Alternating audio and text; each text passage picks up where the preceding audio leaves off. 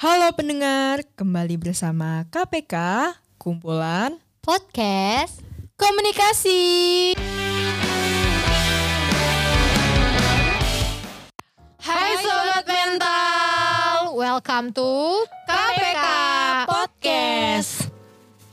Kenalin, gue Reni gue Sila. dan gue Kamel.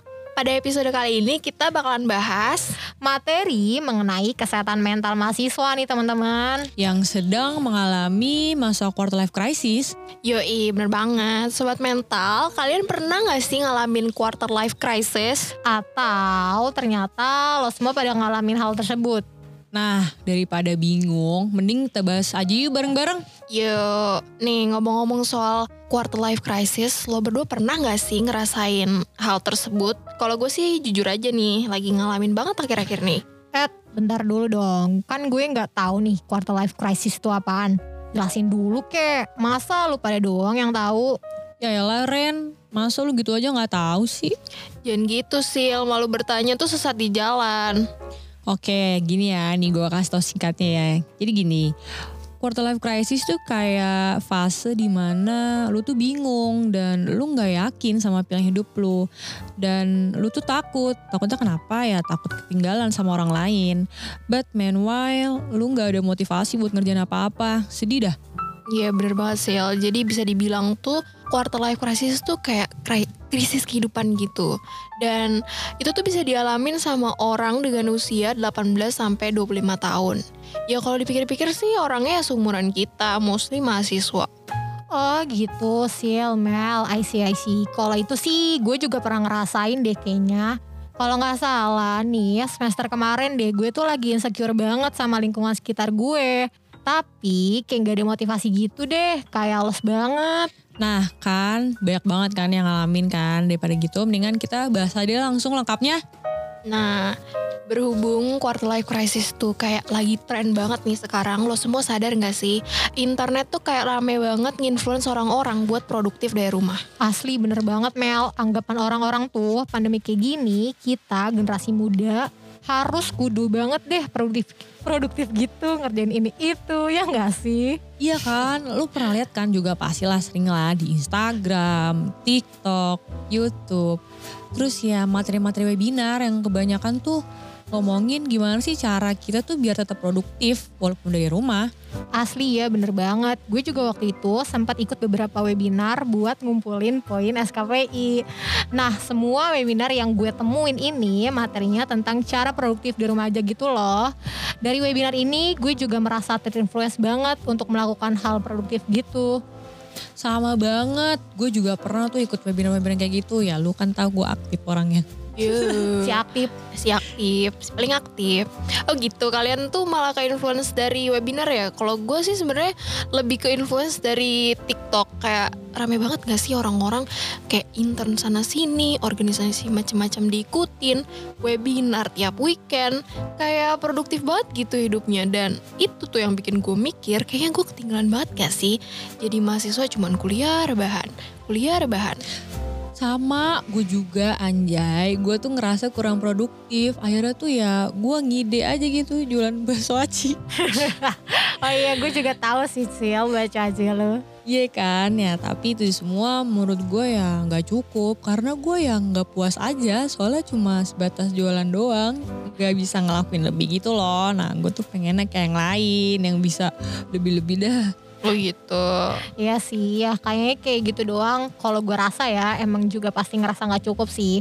Soalnya nih, kalau gue lihat-lihat nih, anak seumuran kita tuh pada banyak banget deh yang magang di perusahaan besar kayak BUMN, Gojek, Shopee.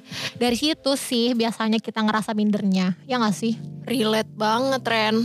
yang kayak gitu tuh bikin insecure Nah jujur sih sebenarnya sesederhana lu tuh kurang termotivasi buat ngelakuin aktivitas aja karena lihat orang lain tuh lebih produktif dari lu itu udah bisa dibilang lu lagi kena krisis kehidupan.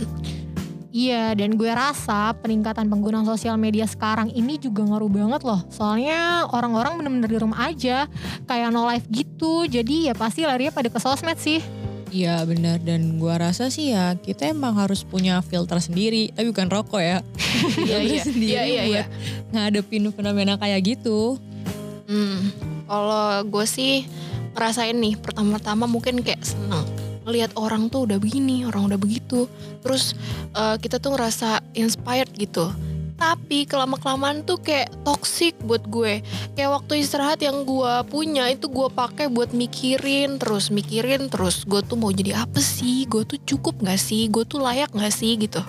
Sama si Mel, betul banget tuh hal kayak gitu tuh penting banget buat kita ketahuin gimana sih cara ngatasin hal tersebut. Sebenarnya ya kalau menurut gue ngalamin quarter life crisis di umur kita yang segini tuh ya wajar.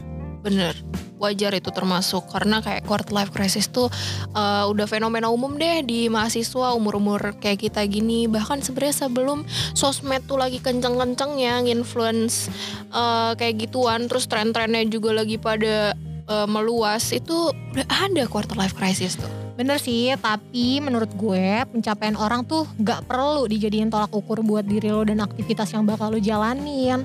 Karena kan masing-masing orang sendiri tuh pasti punya dong plan dan targetnya masing-masing. Tapi kalau gue nggak ada plan gimana? Ya lo bikin dong, Sil. Itu sih salah lo sendiri. Canda ya lah, gue juga punya plan. Bohong. Bohong lu sih. Emang bohong. Iya sih, kalau nggak ada plan dari sekarang, lo harus bikin nih. Jadi lo nggak bakal stres lihat pencapaian orang lain. Jangan hobinya insecure aja. Iya iya iya setuju sih emang harusnya ya kita kasih batasan sendiri ke diri kita kayak keberhasilan orang lain itu ya seharusnya emang benar menginspirasi kita tapi bukan buat dijadiin tekanan apalagi beban stres luntar Yoi, dan kalau ternyata hal tersebut bikin lo tertekan, lo harus tahu when it needs to be stopped. Lo semua juga perlu ingat buat aware sama circle lo sendiri. Kalau mereka toksik, nggak merhatiin apa yang udah lo lakuin dan cenderung suka banding-banding ke pencapaian mereka, mending buru-buru udah di cut off. oh kalau gue ada sih teman suka kayak gitu teman-teman SMA gue yang sekarang tuh mereka suka over proud dan suka nanyain pertanyaan sensitif ke gue seakan-akan gue cuman kuliah bahan doang. Nah itu sih kalau kayak gitu mending menurut gue lu kasih jarak deh sama orang-orang kayak gitu. Karena yang ketahu kemampuan diri lu itu ya diri lu sendiri. Yang bisa nilai juga diri lu sendiri. Jadi usahain jangan kepancing sama omongan-omongan yang gak penting kayak gitu. Dan stay focus aja sama what you have planned. Oh iya, kalau keluarga tuh termasuk yang toksik juga gak sih? Nah iya itu gimana tuh? Soalnya kan ya biasanya kan ada keluarga-keluarga yang gitu lah. Ya kalau keluarga sih menurut gue agak susah sih sebenarnya buat dijauhin karena kan lu sehari-hari sama mereka gitu. Tapi sebenarnya kalau lu udah punya goals yang jelas, itu jelas banget bakal ngebantu lu buat ngefilter omongan-omongan yang bikin overthinking. Nah iya bener banget. Tadi kan kita nih udah ngebahas nih kenapa kita mahasiswa belakangan itu kayak kencang banget gitu angin, angin quarter life crisisnya. Ya tadi kan kita udah bahas sosmed sih ya gak sih? Terus juga webinar yang kenceng-kenceng banget tuh. Iya benar. Jadi quarter life crisis ini sebenarnya perasaan yang lu rasain itu sebenarnya cuman manifestasi dari insecurity lu aja. Semua orang tuh jelas pernah insecure, nggak mungkin nggak jadi nggak usah takut. Bener banget, tapi yang perlu diingat jangan berlarut-larut apalagi sampai bikin kuliah lo terganggu, nilai lo jadi turun atau minim social life gitu guys. Nah iya perhatiin tuh mental health lu juga. Kesian. Iya. Jangan sampai lu kena mental kayak Sila ya nggak Sil? Ya aku bawa gua. Jangan sampai stres atau malah toxic productivity cuma karena lo ngerasa kurang dan pengen ngejar apa yang orang lain capai. Ya, tapi juga kita tetap harus berpikir pro- progresif. Nih yang paling penting. Jadi kalau misalnya lu rasa istirahat lu, yang waktu yang udah lu luangin buat berpikir jernih, buat healing dan segala macam udah selesai, ya ayo gerak, jangan diem aja. Kalau enggak lu bakal ketinggalan sama orang lain. Ya bener banget. Abis itu ya lu tentuin langkah lu selanjutnya. Jangan diem doang, terus aja ujung-ujungnya. Iya, lo harus ambil hikmah dari masa-masa sulit di hidup lo. Apa pun itu, termasuk masa quarter life crisis ini nih. Tetap ada porsinya. Jangan sampai lo stres banget. Terus mental lo jadi kena. Gimana dong? Nah iya mantep banget dah tuh pokoknya. Jangan nih terus-terusan lu tuh berkutat, lu tuh berpacu di quarter life crisis kayak gini. Pada akhirnya kita yang nentuin hidup kita sendiri.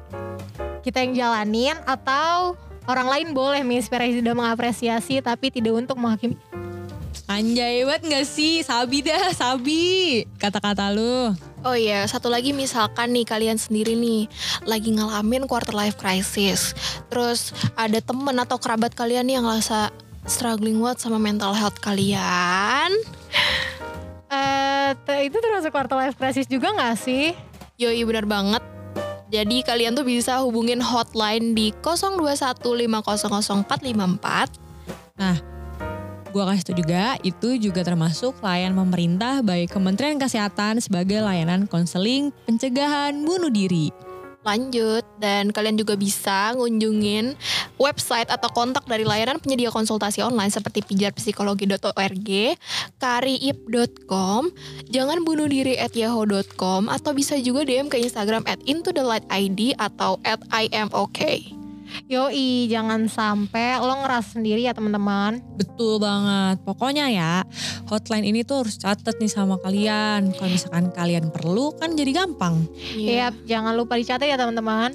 Oke, mungkin segitu aja teman-teman episode kita kali ini. Iya, pokoknya tetap semangat jalanin hidup, jangan khawatir sama masa depan karena semua juga balik lagi udah ada rezekinya masing-masing ya nggak sih Ren? Mantap. Betul. Oke, salam sobat mental. Dadah. Dadah.